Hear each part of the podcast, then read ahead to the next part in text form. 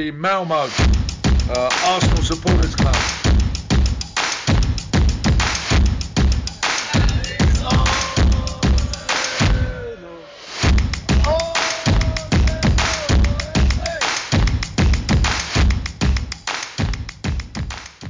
Arsenal Malmös podcast är tillbaka och idag den 28 april så har jag, Rickard Henriksson, med mig en ny debutant, nämligen Kristoffer Turesson.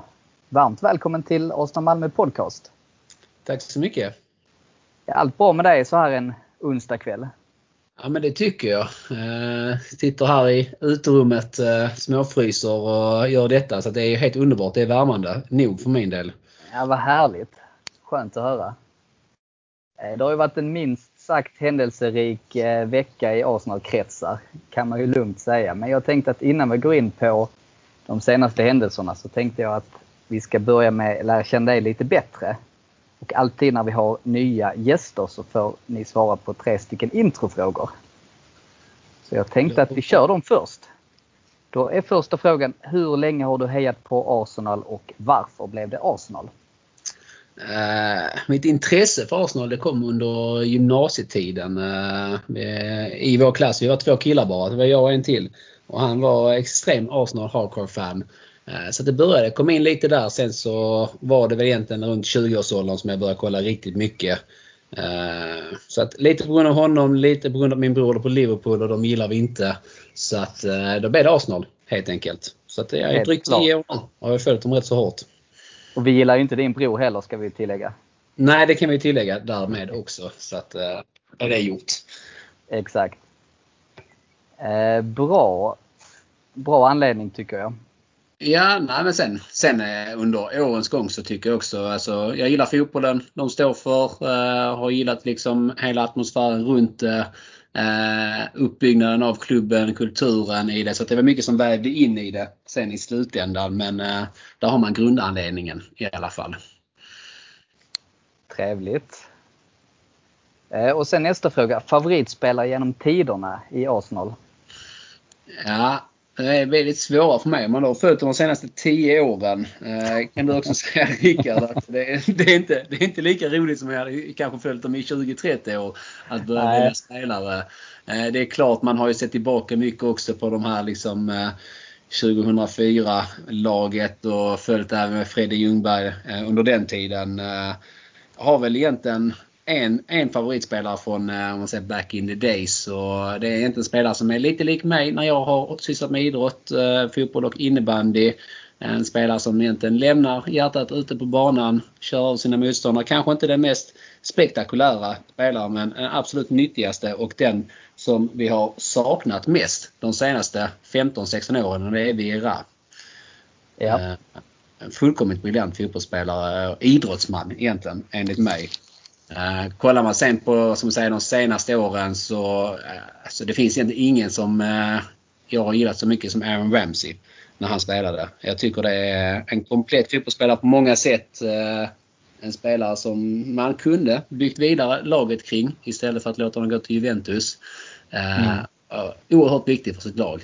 poängspelare, defensiv, hjärta, har egentligen allt där. En krigare på mitten. Så att det får bli de två egentligen beroende på hur man delar upp det. Jag ser ett mönster där att det är mittfältskrigare du brinner lite extra för alltså. Det är ju de här som verkligen ger allt, allt ute på banan. Visst det finns andra spelare som har gjort det också. Jag gillar, vi kan ta Tierney som är i laget just nu. Mm. Liksom. Det är, ja, men sådana spelare som skapar en ryggrad i ett lag. Eh, och det är väl lite där också som Arsenal har fallerat lite på sistone. Eh, att ibland kommer det upp någon men vi får inte den här riktiga ryggraden i det ändå. Det krävs oftast mer än en spelare på det.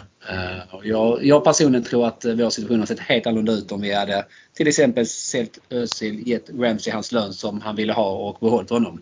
Faktiskt. Jag håller helt med och eh, tillägga så har ju Ramsey vunnit två fa Cup-titlar till oss också. Bara en sån sak.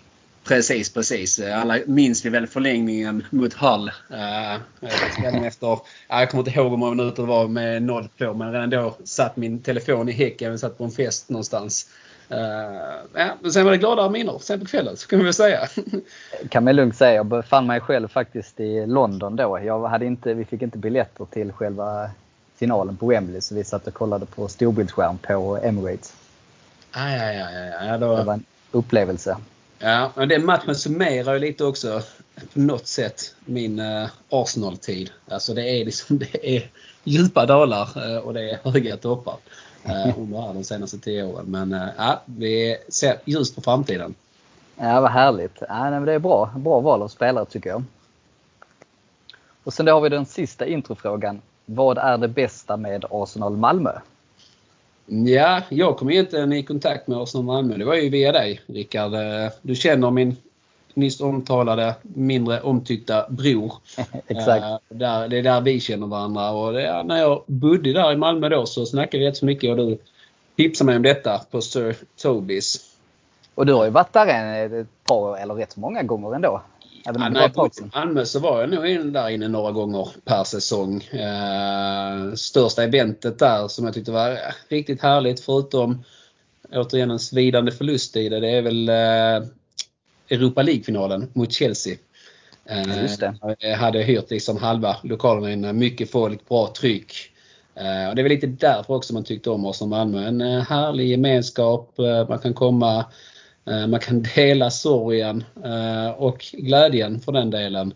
Eh, men att bara snacka skit om fotboll och Arsenal.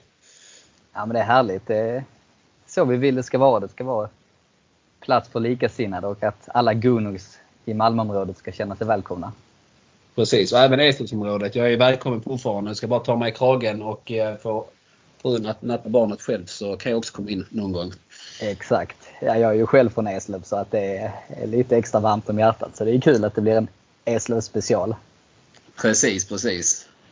Fick vi den hyllningen också? Ja, men precis. Heja Eslöv! Heja Eslöv! Det är inte så mycket vi har varit stolta över annars.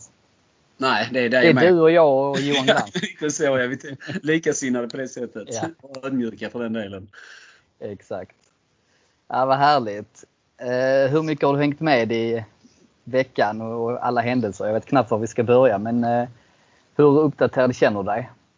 Ja men hyfsat ändå. Jag tycker nu när det har blåsat upp, jag tänker det här med Super League-kaoset som uppstod här. Eh, så har man ju följt rätt så mycket. Sverige följde inte lika hårt innan. Eh, men man har ändå läst mycket nu här denna veckan och vilken kaos, inte bara i Arsenal men alltså kring fotbollen i sig. Och eh, Ja, vi har haft mycket diskussioner både på, med kompisar och på jobbet kring det. Vad man tycker mm. och känner. Eh, kan vi säga. Har väl Real Madrid-supportrar som tycker att Super League hade varit det bästa som någonsin finns. Och eh, sen sitter vi med de flesta Premier League-supportrarna som absolut inte är intresserade av det och tycker att det förstör fotbollen. Eh, pengarna tar över. Sen, sen är det väl på det hållet man går i fotbollen.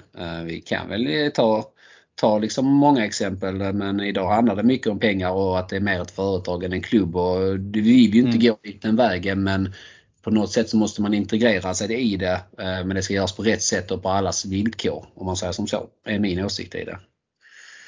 Jag kan ju bara hålla med och det gick ju väldigt, det var inte, det var två dygn det höll sen raserade skiten efter eh, massiva protester. Eh, sociala medier och var ju fullständigt eh, ned, vad ska man säga, det stod ju spaltmeter överallt. Man, var man än vände så stod det ju någonting.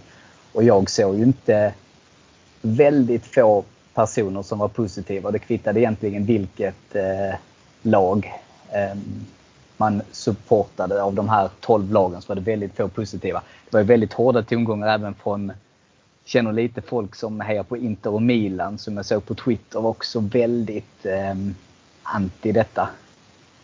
Så det är som du säger, det är säkert bara Real Madrid, Barcelona möjligtvis att de kan se någon vinning i det men alla andra supportrar verkar ju... Jag ska inte dra alla över en kant. Det är ju Nej, en kollega som håller på dem som tyckte det var lite rätt för att eh, Uefa käkar upp alla pengar och tar från klubbarna. Liksom. Det var liksom på den nivån. Så nu ska inte dra alla över en kant. Så hård ska jag inte vara. Men eh, Ja, jag tänker att de är likasinnade även i den eh, supporterföreningen.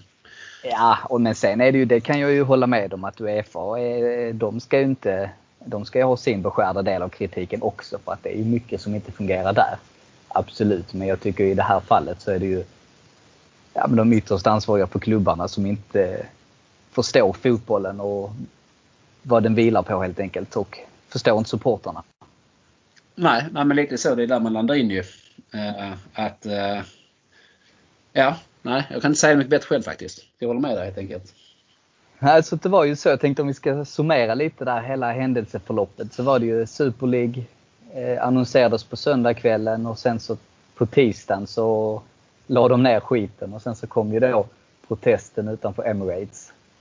Det ryktades ju då om, eh, inte om du har sett bilder, men alltså det var ju upp mot 15 000 supportrar som samlades på coronasäkert avstånd.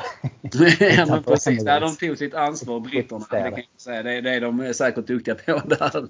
Men äh, nej det var ju, ja, det var jag såg scener både från Emirates och ja, från andra äh, arenor med Old Trafford och Anfield äh, där också. Liksom. Och det, det, visar ju lite också, äh, vad ska man säga, supporternas kraft inom mm. fotbollen. Och det, det är det man vill se att fotbollen är till för supportrarna, absolut. Våra kära spelare ska få tjäna sina pengar och hela den biten. Men i, i slutändan så hade inte det varit någonting utan supportrarna. Uh, och det, jag tycker det är kul att se uh, på det sättet att klubbarna och supportrarna går ihop.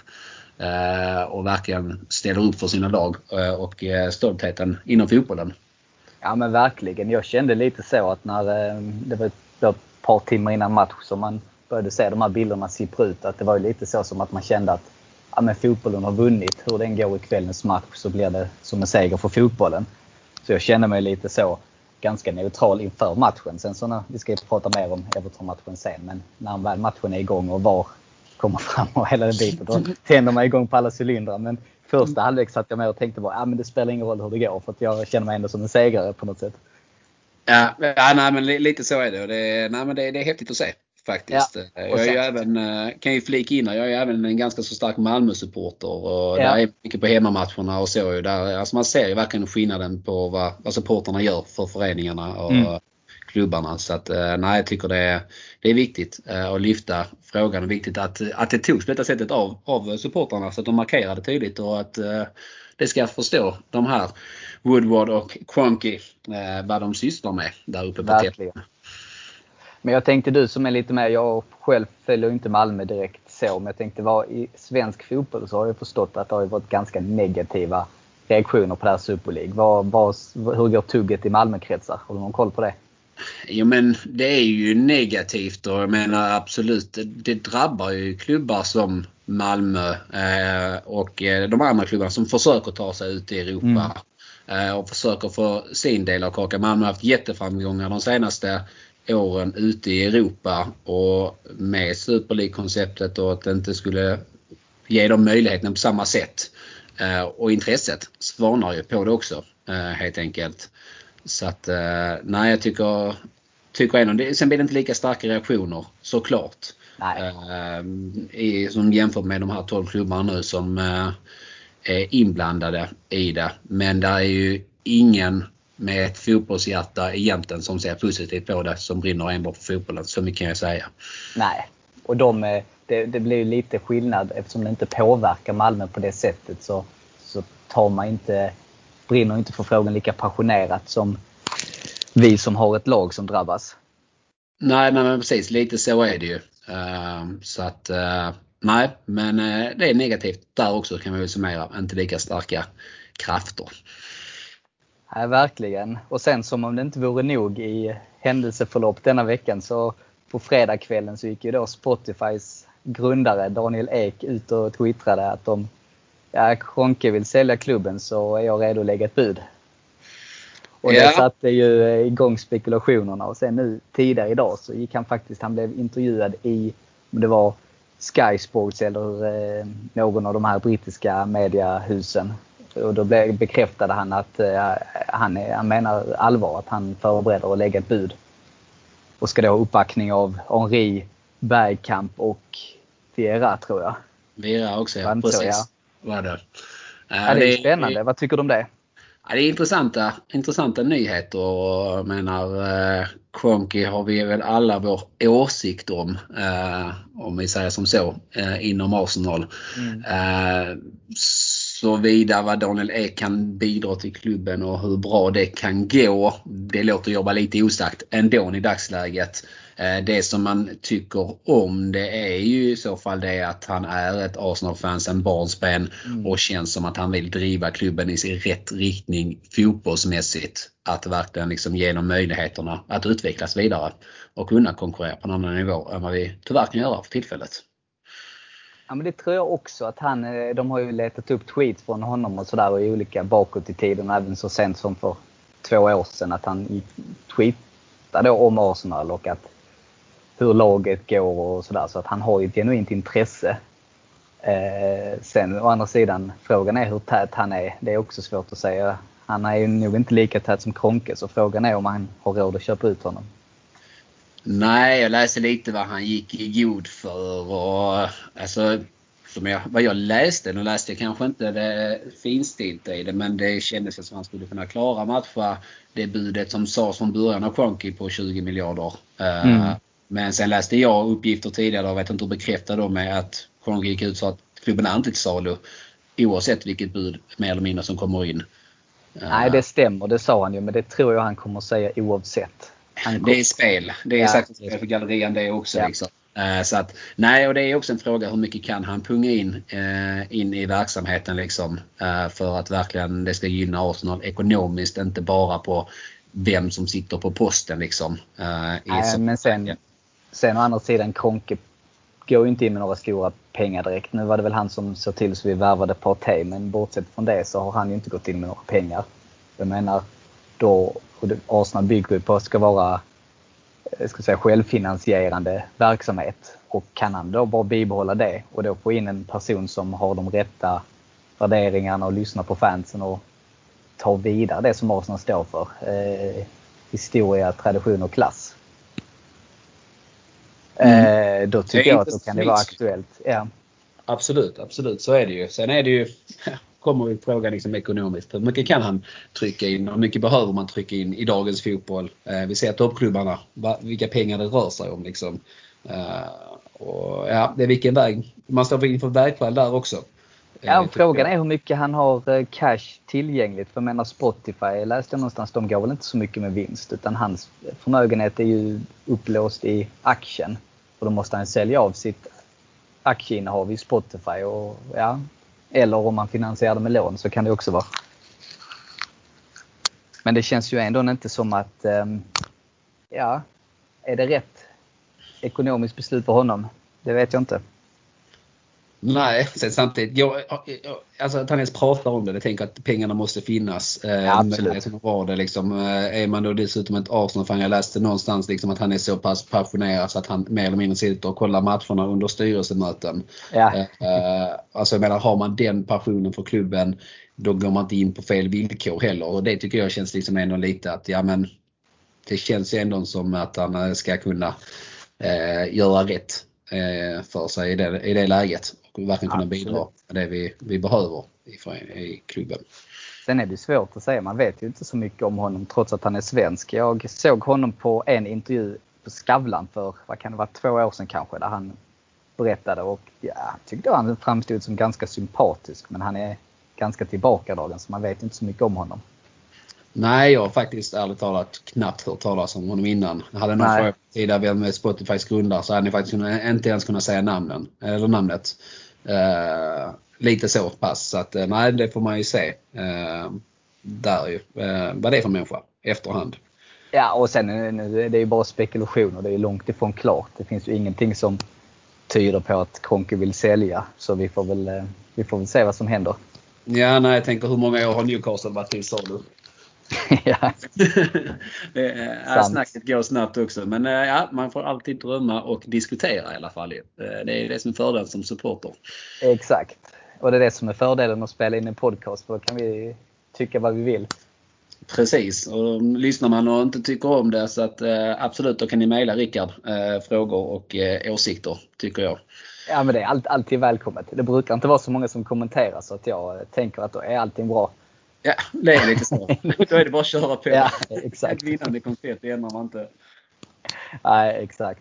Nej, men det, det, är alltid kul att snacka lite så att ehm, ja, vi får se vad som händer. Jag är, man är lite tagen efter den här veckan måste jag säga. Det känns på något sätt som resultatet på planen har kommit i, det har blivit väldigt sekundärt. Ja och nej, säger jag ja. med en suck. jag tänkte självklart, ska... självklart, fotbollen kommer ju först i det, i det stora hela liksom, och det har varit den stora snackisen runt om. Uh, slog på TVn igår och tänkte oj just det, det är Champions League semifinal. Inte ens det hade man tänkt på att det var nu. Uh, man brukar ändå ha lite koll även uh, om man inte håller på lagen där liksom. Men det har varit mycket fokus på det. Uh, det är som sagt det är en viktig, viktig fråga också att lyfta uh, och ta ståndpunkt i. Uh, och att man ser verkligen, som jag var inne på innan, supporternas roll i det hela. Ja men verkligen. Så jag tycker det ska bli superspännande för det känns ju som att allt annat än en, eller så här, vilken ägare som än kommer efter Konke känns det som att det blir en förbättring. Absolut. Och förhoppningsvis då även att det kanske kommer en um, men en supporter in i styrelsen som kan dela värderingarna och få lite mer på den, de mjuka värdena in i, ledar, eh, i ledningsgruppen också. Det tycker jag saknas. Ja, absolut, absolut. Det instämmer jag helt och hållet. För, för då kan man säga, hade vi haft en... För nu, nu har de gått ut och sagt att det var styrelsen gemensamt som tog det här beslutet. Hade de haft en supporter i styrelsen så hade det aldrig blivit den här superligan från första början. Nej, jag vet inte riktigt hur konstellationen ser ut i de andra klubbarna heller. Eh, hur det ser ut eh, uppe på de nivåerna liksom. Men, nej, jag eh, vet faktiskt inte heller. Nej. Jag bryr mig mest om Arsenal. Så jag har inte så bra Ja, nej, precis. Nej, det, är knappt en sån här de andra liksom. klubbarna. Så. Men nej, det, man kan ju utgå ifrån att utfallet hade varit annorlunda och kanske i alla fall inte lika självsäkert att man skulle gå med i det på det sättet. Nej, verkligen.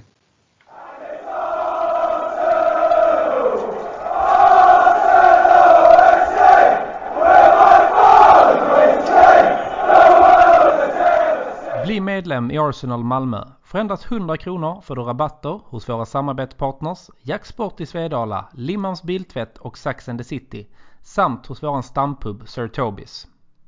Vi har matchträffar varje match, ordnar några medlemsexklusiva fester under året samt medlemsresor till London.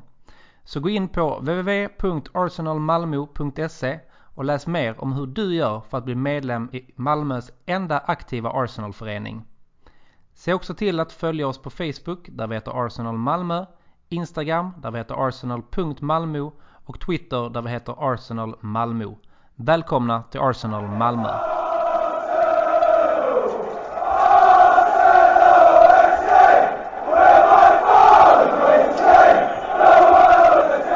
Vi får se. Då tänkte jag vi skulle gå vidare och diskutera fredagens match mot Everton. Och jag försöker komma ihåg nu hur det blev. Det har hänt så mycket annat. Men det, vi förlorade med 1-0 efter eh, ett tveksamt VAR-beslut kan man väl kalla det. Nej, förlåt. Så var det? Nej, nu får du uppdatera mig. Jag har glömt hur målet gick till. Uh, VAR. Ja, det var, visst var det VAR? jag skämtar. VAR. VAR. uh, uh, målet det var väl det var, det var en klassisk långboll uh, från backlinjen där Granit Xhaka först blir undanhållen på ett o, otacksamt enkelt sätt och sen stöter bort sig och sen en tunnel via Lenus knä in i mål. Det var väl egentligen en summering på eh, en säsong i, på 30 sekunder ungefär. Kände jag. Eh, det var alla tjänster bara rann igenom där. Uh, jag mår dåligt över de här målen. Ja men det måste man säga att den, det, vi, vi, kan ju börja vid Lenus misstag. Alltså visst alla kan göra ett misstag men det finns ju grader i helvetet kan jag tycka. Ja och här kommer vi in på intressanta frågor igen. Leno eller Martinez?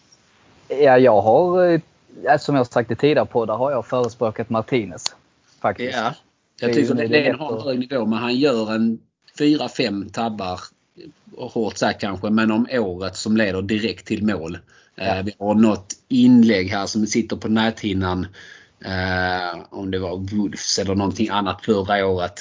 Eh, där han liksom missbedömer helt och nickar in öppet mål. Och, ja, det kommer de här riktigt kommer hängde det, Jag ser inte det samma sätt på Martinez eh, som ja, jag tyckte han är ett, eh, sjukt stabil i somras när han spelar. Jag har gjort det bra i Aston Villa också. Eh, överlag annars Leno är, är en bra målvakt. Han har räddat oss många ja. säsongen också så jag ska inte sitta här och lägga en säsong eller något annat på honom. Men eh, det, det, är mycket, det är mycket i det målet som eh, summerar inte bara Lenus misstag. Jag tycker att det är att en enkel långboll från en backlinje, hur många mål har vi ställt in på det? Mm. Eh, kommer i nästa duell med Xhaka mot Ricardisson är det väl i detta fallet som gör målet sen i slutändan. Eh, alltså först och främst duellen, antingen så ska han ner i backen eller så tar man bollen. Alltså lite där Ja, eller så då... avvaktar du tills du får täckning. Alltså du kan ju ligga kvar och täcka yta bara. Precis, det, det kommer ju i andra läget sen när ja. bollen är ner på marken att man ja, ja. bryter och ger han möjligheten att dra in i straffområdet. En, skicklig, en erkänt skicklig en mot en spelare mot en erkänt ovan vänsterback. Eh, då ska man kunna ha lite mer rutin eh, i den rollen han ligger i att kunna falla, falla, falla och sen bara täcka ytor istället och blocka eventuellt inlägg som kommer senare. Tycker men sen jag. tycker jag, ja men jag håller med dig, jag tycker det är så tråkigt. Jag menar, Richarlison, alltså det är, en, det är en skitspelare. Han brukar vara bra just mot Arsenal men tittar du honom sen han möter West Brom. Helt värdelös egentligen. Ja, han är mycket upp och ner. Alltså jag, tycker, jag tycker han ska inte få han ska inte få göra mål så enkelt. Han är väl lite Wilfried Zaha. Hög höjd, extremt djupa dalar. men alltså lite ja, så fast han har inte den höjden. Men... Ja, han har en bättre säsong, det är inte det. Men alltså, du förstår lite. Hodgson ja. har väl lite samma eh, känsla över att eh, kan vara en bra fotbollsspelare, absolut. Men ingen jämnhet överhuvudtaget. Eh, Rikardisson är väl en rivig spelare. Eh, liksom krigar, har en del fula grejer för sig också. Väldigt så att, ja, fula grejer. Då och då. Och ofta kanske då istället mot Arsenal. Men uh, mm, det är väl lite där man landar in och där kommer vi in på det här. Det är ett VAR-beslut i det också. Uh, en offside tror jag det är de kollar på. Ja fast den tycker jag är, det är rätt. Jag tycker inte det ska vara offside på den. Nej, men eh, det som funderar mig som sett på så många matcher, du kanske har bättre koll på det. Jag ska inte säga det. Men det här med var man mäter ifrån. Jag tycker det så, ser så konstigt ut i många fall. Exakt. Men det, det var det jag tänkte. Jag tänkte vi kan faktiskt avvakta med men jag tänkte vi ska ta en egen punkt om det. För att jag, ja. det är en sån diskussionspunkt som man, jag har tänkt på nu flera gånger. Så vi kan avvakta lite med den så pratar ja. vi klart om Everton-matchen först. Ja. Men egentligen Nej, men det, det. Jag skulle vilja göra, förlåt, jag avbryter det, men jag skulle vilja ha ett inlägg där angående debatten med Martinez och Leno som jag tycker talar i, tycker jag som är rätt så bra. Jag tycker att Leno är en bättre målvakt på alltså skottstoppare. Däremot så tycker jag Martinez kontrollerar straffområdet på ett helt annat sätt. Han är mycket mer dominant och är en annan trygghet. Och så är han bättre med bollen. Så menar, så som vi spelar så behöver du en målvakt som är trygg med bollen och dominerar straffområdet. Och det gör inte Leno på det sättet. Sen är han fantastisk på linjen generellt. Ja men absolut, det kan jag instämma fullt ut i. Alltså, det är en reflexsäker målvakt om man säger som så. Ja. Reflexsnabb heter det väl mer. Men eh, nej men precis och det är väl precis som du säger, ska vi nu börja spela det här spelet som vi har gjort i många år från egen mållinje till motståndarens mållinje. Då mm. behöver vi även en säkerhet längst bak och det, ja. det tycker jag inte vi har. Det har vi sett fler, fler eh, misstag eller fler bevis på under säsongen i passningsspel och liknande. Så att eh, nej, det tåls att diskutera där hur de tänkte och vad ja. tanken kring eh, laget också i det liksom som spel, spelidé. Sen, sen tycker inte jag att Leno är vår största svaghet. Det är inte han, han som gör att vi ligger där vi ligger utan tvärtom som du var inne på. Han har ju räddat oss i flera matcher. Vi har ju många andra brister i laget som vi bör åtgärda före Leno. Men Absolut. för att vinna titlar så håller det inte kanske. Nej, och det, det, det, kan det göra. Det är inte det. Eh, som du säger, det är mycket andra. Leno, han har, han har säkert räddat oss flera gånger men han har skälpt oss. Men Absolut. Det, det är de här sista grejerna som kommer och att det, det är så pass många per säsong. Eh, menar, vi hade ju Allison här i Liverpool, hade väl två, tre matcher där han hade fler assist än vad Firmino haft på hela säsongen liksom, fast i motståndarna. Eh, och där man liksom ifrågasätter vad, vad händer här liksom. Eh, ja. Det är klart kan ha sina dippar men problemet med Leno är att det kommer lite då och då sporadiskt. Det är liksom inte en formfråga utan det är ren koncentration eller kvalitetsbrist. Mm. Uh, i, I, vissa lägen liksom. Uh, och det är lite där jag känner oroligheten och jämnheten hos honom. Annars är det alltså, som vi säger, det är från en bra målvakt. Och det är, inte, det är inte han som gör att vi ligger där vi ligger i dagsläget. Jag håller med. Men jag tänkte om man skulle försöka hitta något positivt så tyckte jag att vi spelar ändå ganska bra. Om man bortser då från de individuella misstagen defensivt. Så tycker jag att vi för matchen och kontrollerar. Men jag tycker att vi har en stor brist och det är en spelare som jag verkligen vill hänga ut. Så är det Eddie Enketia. Vad fan håller han på med? Han kom ju... Han var ju sen. Så många gånger som bollen kom in i straffområdet och han kommer för sen i sina löpningar så han är en halv sekund fel hela, hela tiden. Eh, ja, det är, jag håller med dig för det, det är boxen vi har problem med. Eh, motståndarnas eh, box. Eh, vi är inte där. Vi hade PP drog, drog fram hur mycket på kanten Bukayo Saka på andra. Liksom. Yeah. Skapade lägen. Sen Saka kanske inte sin bästa match i sista tredjedelen. Nej, det håller jag med om. Uh, missade liksom en del passningar avgörande där som han absolut kan göra bättre. Liksom. Det går upp och ner men jag tycker fortfarande vi skapade trycket runt om boxen för att kunna ha göra minst två mål och en vinna matchen oavsett misstaget bakåt eller inte. Uh, men bollen kommer inte riktigt in på rätt ställe som du säger. Enketia kanske inte är på rätt ställe. Fler spelare saknas in. saknar lite löpningar in mm. också. Uh, tycker också att Enketia kan bli lite själv där inne emellanåt tycker inte vi har det trycket liksom in i boxen. Utan vi, vi står gärna lite utanför och låter någon annan dribbla och slå in bollen och sen, sen hoppas vi att någon där. Lite så var min känsla. Jag tycker ändå att så, ja, men i possession-spelet gör vi bra. Eh, och vi skapar även tryck men vi skapar inte riktigt, riktigt farliga tillräckligt mycket för att ändå kunna vinna matchen i slutändan. Ja, men du är inne på någonting där för att jag upplever med Enketia att man, vi blir en man kort för att han tillför ju inte någonting i spelet utanför boxen. Han är ingen den här taget som Lacazette och han springer inte så mycket i djupet och sådär. Och om han då är felpositionerad i boxen då ser inte jag riktigt vad vi har för nytta av honom överhuvudtaget. Då hade det varit mycket bättre att spela Martinelli. Absolut. Absolut och ha med ett flytande anfallsspel. Mm. Vi snackade om det liksom med Smith Rowe och Bukayo Alltså att det blir lite mer positionsförändringar, lite mer City-spelet att alla är delaktiga. Det spelar inte roll om vilken position utan i anfallet så kör vi allihopa liksom. Eh, och har löpningar på alla håll och kanter. Eh, så att där saknar vi lite och det är lite där jag var inne på innan också till exempel den här Aaron Ramsey-typen som river ja. sönder och fyller på i en andra våg och tar djupledslöpningar som eh, balansspelar på mitten. Den rollen tycker jag att vi saknar lite också. Eh, de som spelar där idag de vill gärna spela utanför straffområdet och styra boll, eh, spelet med boll istället. Eh, så att skapa det här riktiga, riktiga trycket in liksom i boxen. Eh, nej, jag, vill, jag vill se mer där. Eh, inte bara Smith Rowe egentligen utan från liksom övriga mittfältare också. Att man trycker in lite eh, helt enkelt. Ja men en sån nu som Ceballos hade ju kunnat komma mer in på löpningar. Så hade vi haft Ramsey där istället så hade vi ju sett ett, eller den spelartypen, då hade vi fått de här löpningarna. Då hade det blivit mycket, mycket svårare för motståndaren att försvara. Du får en eh, gubbe till som du inte riktigt har koll på som löper in bakom ryggen så det blir svårt att markera. Det skapar lite osäkerhet. Det saknar jag. Jag tycker Ceballos, ja, men han, han har sina kvaliteter absolut. Men han löper ju aldrig in i straffområdet utan han rör sig bara i ytan strax utanför. Ja, vi sitter och sågar honom. Inte han som gjorde målet som är bortdömt i boxen? Uh. också. Hey. Han som gick in den. Ja, fast det var väl, det var ju för sig klar offside. Var det inte det?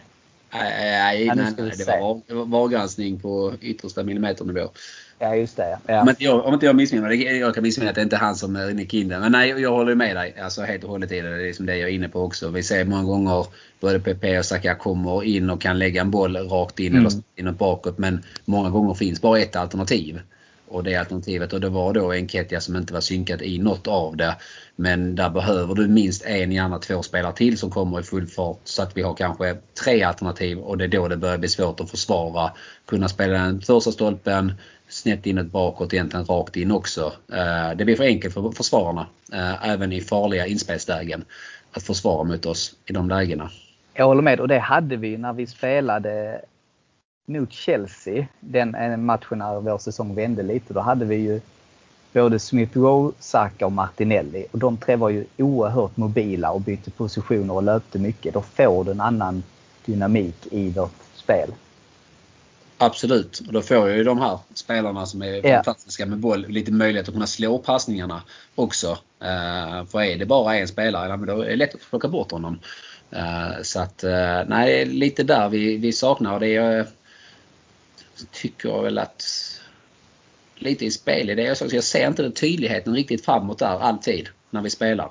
Nej, och jag håller med dig. Jag tror det är mycket att vi skiftar väldigt mycket. Vi har väldigt sällan vi har samma startelva, så svårt att få kontinuitet.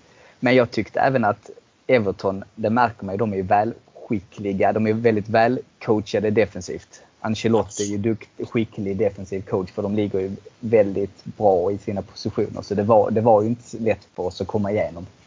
Nej, nej, nej absolut. De, de gör det bra defensivt också. Så inte det. Men, eh, men, Men sen man- förtjänar ju inte Everton att vinna. De har ju typ två chanser på hela matchen. Så att det är ju, det är ju oflyt igen och det är så typiskt att vi äger matchen och vi har spelarövertaget, vi som skapar chanserna och sen så vinner de med 1-0. Ja. Så Vi har sett eh, alldeles för många gånger denna säsongen. Ja, och menar, man pratar mycket om defensiven, man pratar mycket om den i början av säsongen. Eh, man såg liksom, ja men nu börjar det bli en förbättring, vi släpper inte in mål. Eh, och, alltså, kolla lite på de senaste matcherna, vad är det för mål vi släpper in? Det Mm. brister inte så jättemycket i kvaliteten på våra defensiva spelare, liksom i positioneringen och att vi står rätt alltså, i grundspelet. Utan det handlar om så jävla, rent sagt jag svär, många misstag. Eh, och där ser jag ett problem att vi är som i uppspelsfasen, vi är inte rörliga, vi är statiska. Det är lätt att pressa mot oss. Vi inte, skiftar inte på mittfältarna liksom. En kommer ner, eh, möter, en drar lite. Eh, kollar man många av de topplagen som ligger där uppe just nu, det är en helt annan rörlighet, anser jag i alla fall. Eh, där man liksom kan spela bollen på fötterna och någon förhållandevis enkelt. Det är klart man löser inte pressen varje gång, men man löser den oftare med kontroll på boll. Eh, och därifrån har vi tappat extremt många matcher eh, på Ja. de här felpassningarna och helt enkelt bara dumma besluten från spelarna på banan.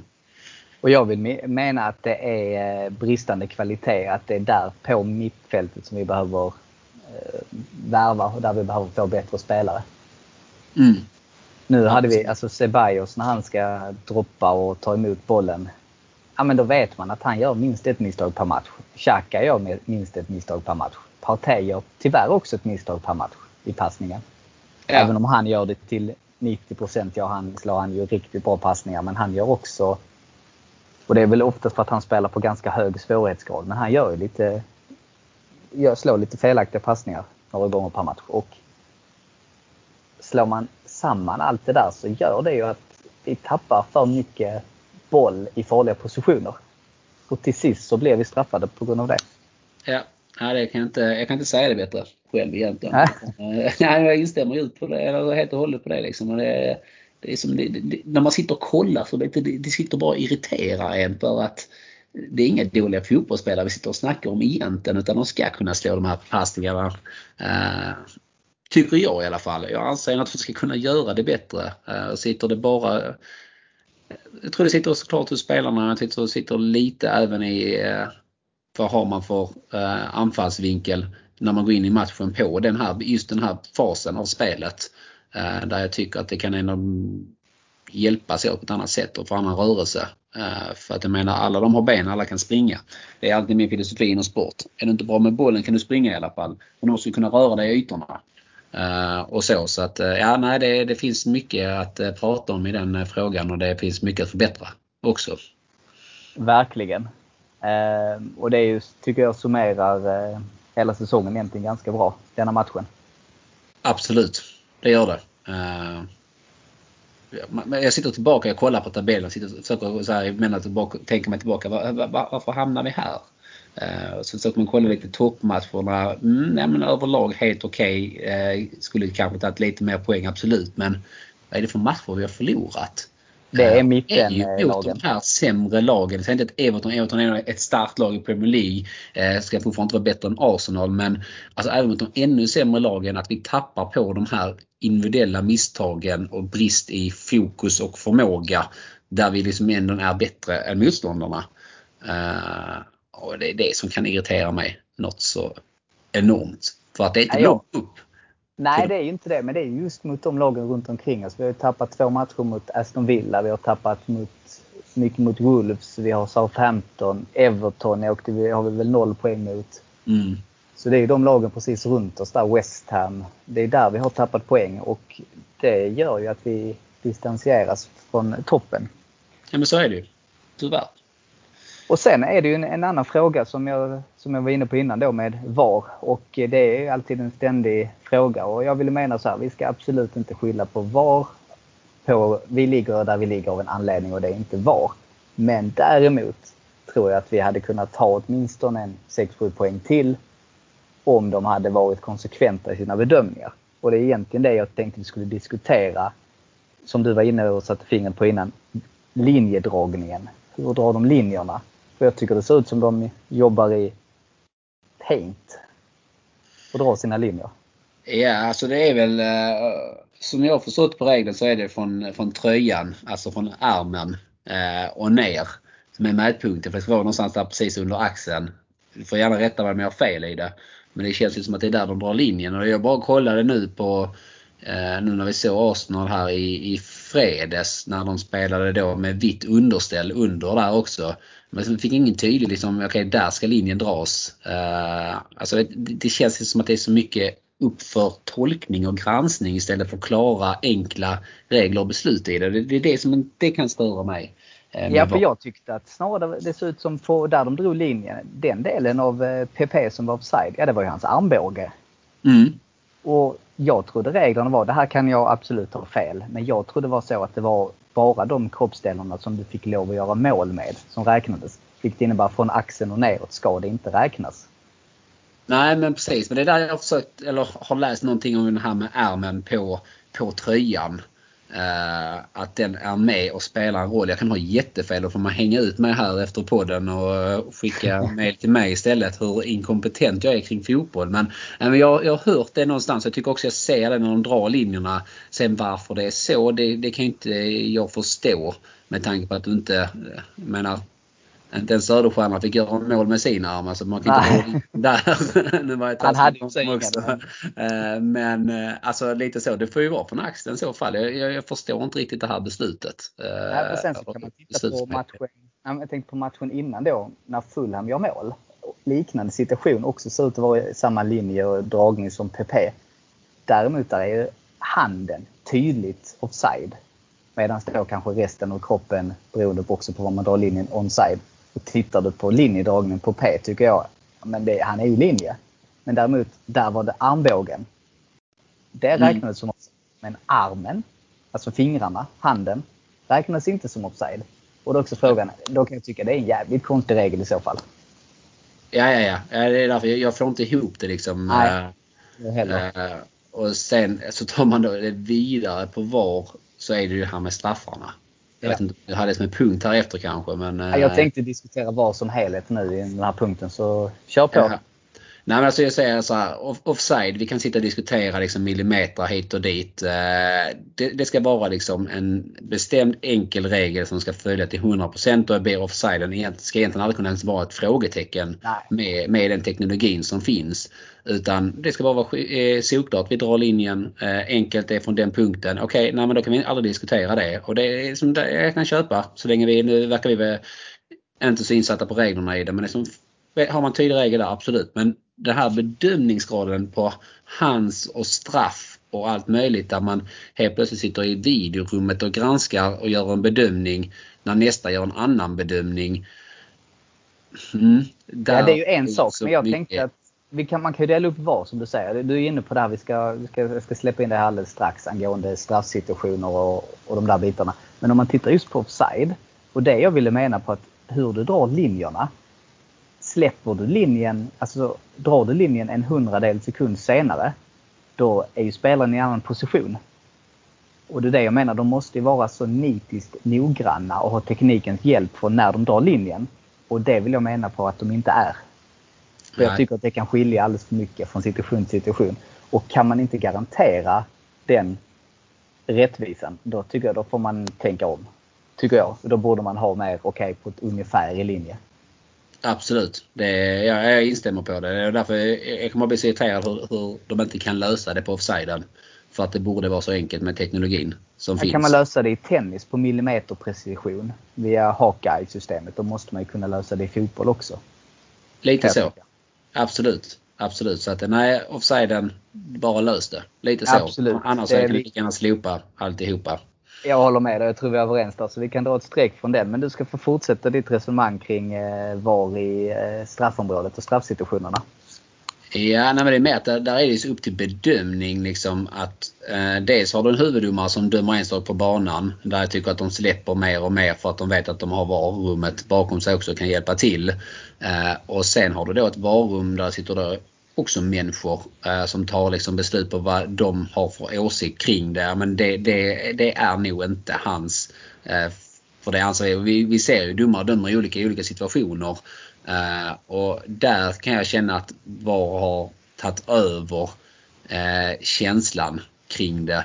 För att ja, du kan döma straff sen helt plötsligt är det borta för, för ingenting. Liksom. Eller på andra hållet att de hittar någon liksom millimeter till toucha ett litet finger som har en konstig position. Eh, vi har ja, alltså hur många situationer som helst i det. Där det är bedömningsfrågor och inte klara regler. Eh, och sen ska man då in och kolla på i slow motion och se detta. Eh, jag tycker absolut det ska vara rättvist när det är straff och inte straff. Men jag tycker att VAR kan hållas till offside om jag ska vara helt ärlig. Mm. Ja, det, du är inne på något intressant därför att det är väldigt svårt att vara konsekvent. För det blir ju, eh, oavsett hur den gör det så behöver du ha en människa som granskar det och det blir ändå en subjektiv bedömning hur man än gör det. Så jag tycker du är inne på något bra där. Att man hade kanske kunnat börja i små steg. Börja med att få siden helt rätt. För det är oftast de situationerna som jag tycker blir de mest kontroversiella.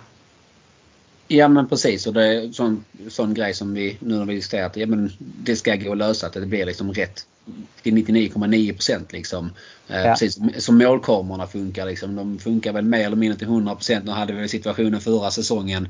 Eh, där bollen var långt in. Jag kommer inte ihåg om det var Premier League eller det var... Jo, det var ju Premier var League. Premier League. Ja. Eh, eller det var säsongspremiären i år va? Till och med. Jag kommer inte ihåg exakt när det var. Nej, det var, nej, men det var väl där gång jättelänge sedan. Men ett tag liksom. Ja. Helt horribelt beslut liksom. Men där, där ser man, okej 99,9% mer eller mindre har målkamerorna gett oss. Så det, det är en jättebra utveckling om man jämför med VM, England, Tyskland. Liksom, den bollen Ja, som man mäter in, att man missar det. Eh, Men när det då kommer till straffar och den biten. Jag, jag anser väl i så fall att då ska huvuddomaren kolla på det varje gång. Mm. Eh, Där landar jag också. Att det kan inte sitta i ett varrum och bedöma en, någonting som en annan domare har bedömt på banan. Utan då får domaren själv gå och kolla, okej gjorde jag fel i detta eller inte? Jag kan inte sitta och bedöma ditt arbete att ja, men du gjorde fel när det, när det handlar om en bedömningsfråga i det. Det var man själv ser det, hur man ser det.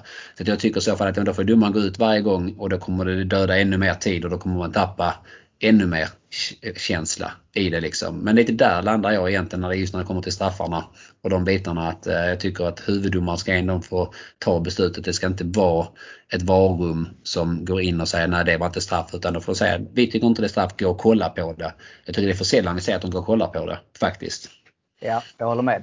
Och jag tycker du har väldigt bra resonemang och jag är helt benägen att hålla med dig. Så att eh, vi har ju löst eh, problemet här. Så vi vill Ja, bara skicka in förslaget till Premier League. Ja, ring jag och Jonas Eriksson Ja. och får lite feedback på det och sen, så, sen drar vi det vidare eh, ut, ut i England. Nej men vi kan ju släppa det där men det är lite så är ju känslan så att eh, vi får väl se var det bär vägen. Jag tror inte det kommer försvinna eh, utan, men då får man jobba för att förbättra det Ja, istället. och jag, jag tror precis som du är inne på, det, kommer inte, det är här för att stanna. Men sen hoppas jag att de jobbar med och ser till att förbättra det. Och det tror jag de kommer göra också. Men så som det är nu så det finns eh, förbättringspotential kan man lugnt säga. Ja men absolut.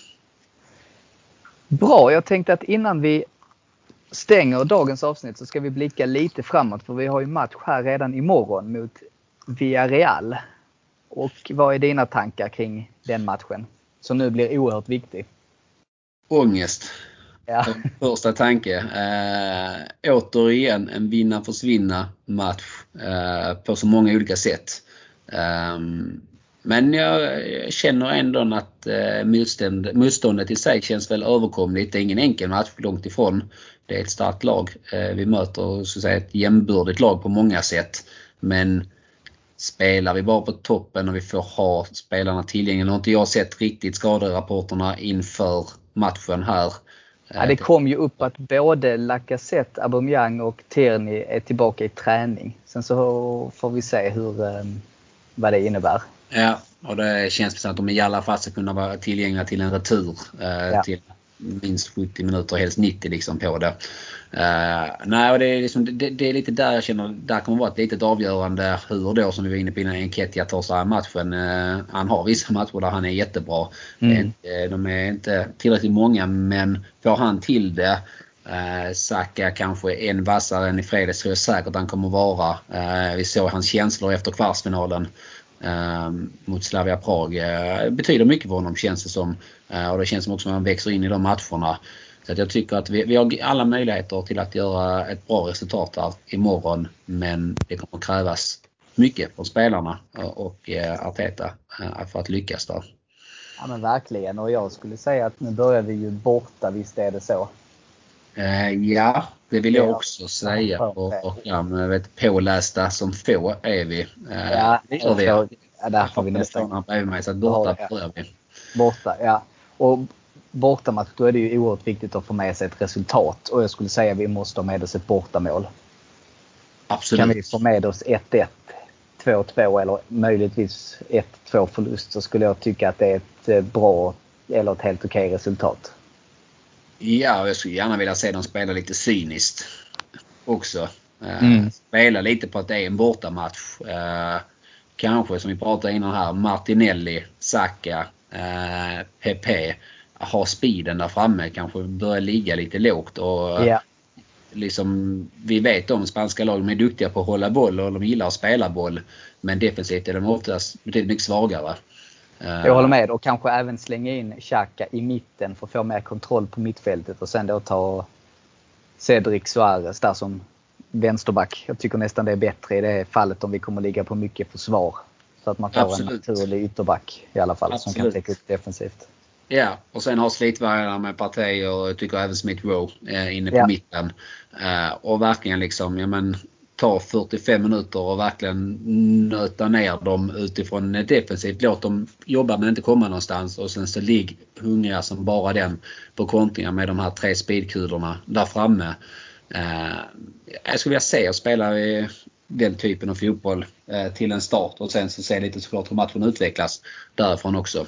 Ja men det hade varit spännande för Martinelli är ju mer, det är ju en kontringsspelare och jag tycker vi har utnyttjat hans styrkor lite för sällan. För det är ju en spelare faktiskt slänga in när vi leder. Och eh, när motståndarna jagar mål så är han ju perfekt med sin speed och ha där framme och pressa motståndarna och göra lite skada där. Så jag tror eh, ja, det kan vara nyttigt att spela imorgon. Absolut, absolut. Så att eh, nej, vi, vi, vi har höga förhoppningar som alltid. Man sitter laddad med pulsen uppe eh, klockan nio. Ja, Men det kommer det bli ångest som du säger. Det är ju, det är ju det enda. ångest eh, i det liksom. Och vi kan ju nu konstatera att vi har ju inget annat att spela för denna säsongen. Jag, jag har diskuterat i tidigare poddar här hur, om vi skulle kunna komma topp 6 eller inte. Och, men nu med, efter de två senaste matcherna så ser det oerhört svårt ut och jag tror inte vi kommer göra det. Så att det är bara Europa League som gäller. Ja, det är ju det. Uh, och uh, ja, det gör det. Jag hoppas bara inte det ska speglas på, på planen. Att det är för mycket måste-match. Uh, så att det låser sig på något sätt eller uh, något annat. Och att ja, man håller lite huvudet högt här nu också. Att uh, ser väl emellanåt uh, ibland att man släpper in ett mål huvudet nere liksom på något sätt. Att man ändå maler på. Det är 180 minuter det handlar om. Mm, precis. Så att vi verkligen trycker ner det här, maler ner Villarreal och ja, tar hem den här dubbelmötet. Eh, för det tycker jag ändå att vi ska göra om man ser det förhand. Jag tycker det också. Och det är, du är inne på något intressant där. Vi ska inte bara fokusera på, det är inte bara en match utan det är ju, vi ska vinna dubbelmötet. Och sen hur vi gör det, ja det spelar ingen roll. Men därför gäller det att ha ett bra resultat med sig så att vi sen kan avgöra matchen på hemmaplan. Det är lite det som vi får, eh, ska vara strategin tycker jag. Ja men precis, instämmer helt, helt och hållet på det. Det gör jag. Så att eh, nej, det, det, blir, det blir spännande helt enkelt att se. Uh, och, ja. Jag är taggad. Ja, jag också, men det är nervöst. Men vi får hålla tummarna helt enkelt. Om jag, jag ger dig en minut Rickard, vem vill du möta i final? Jag vill möta Roma. Det är så? Jag vill... Eh, alltså United det blir lite för... Jag, det, Roma, vi är ett bättre lag än Roma. Vi är inte ett bättre lag än United. Däremot så i en final kan allt hända så vi kommer ju ändå ha 50-50 chans mot United. Men jag tycker vi har bättre möjligheter mot Roma skulle jag säga. Ja. Vad säger du?